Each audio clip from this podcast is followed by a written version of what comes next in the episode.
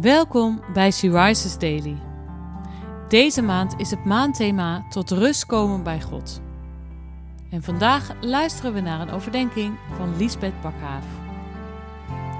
We lezen uit de Bijbel Spreuken 31, vers 25.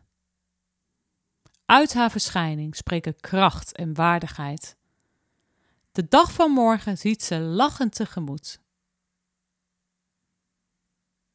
Dit vers herinnert mij eraan wie ik ben.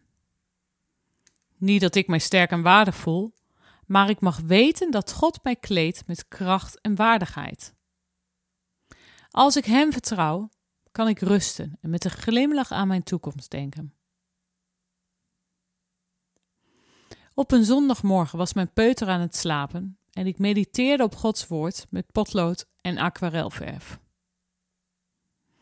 Ik handletterde het bovenstaande vers en schilderde er bloemen omheen. Ik voelde zoveel vrede en blijdschap.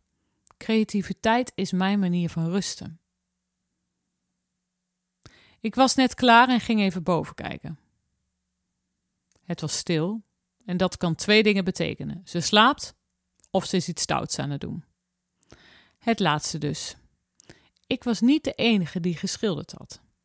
Alles, inclusief zijzelf, zat onder de acrylverf.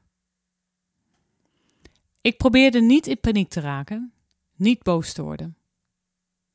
Ik zette kleine Anna in bad en begon te boenen. De vloer, de deuren, de kastjes, het bed en de muur. Ik kon wel janken, want mijn favoriete dekbedovertrek was verpest. Maar ik hoorde een stille, kalme stem. Ze is gekleed met kracht en waardigheid. Ze lacht zonder angst voor morgen. Na het bad hielp Anna me met schoonmaken. In het midden van de rommel voelde ik Gods rust en vrede. Je doet het goed. Je kunt dit. Jij bent een moeder. Ik geef je alle kracht die je nodig hebt. Lange tijd heb ik me ongemakkelijk gevoeld bij Spreuken 31. De vrouw die beschreven wordt, dat is toch onmogelijk?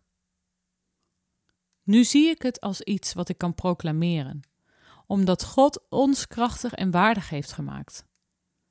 Ook al voel ik me soms een mislukkeling als moeder en op mijn werk, maar deze woorden spreek ik uit als herinnering aan wie ik ben in Christus. We kunnen kracht en waardigheid laten zien als we rustig blijven in stressvolle momenten. En God is het die de vrede geeft om rustig te blijven.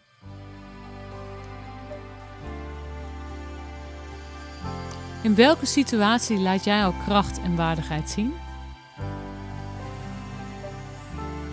En in welke situaties kan jij Gods hulp gebruiken om dit uit te stralen?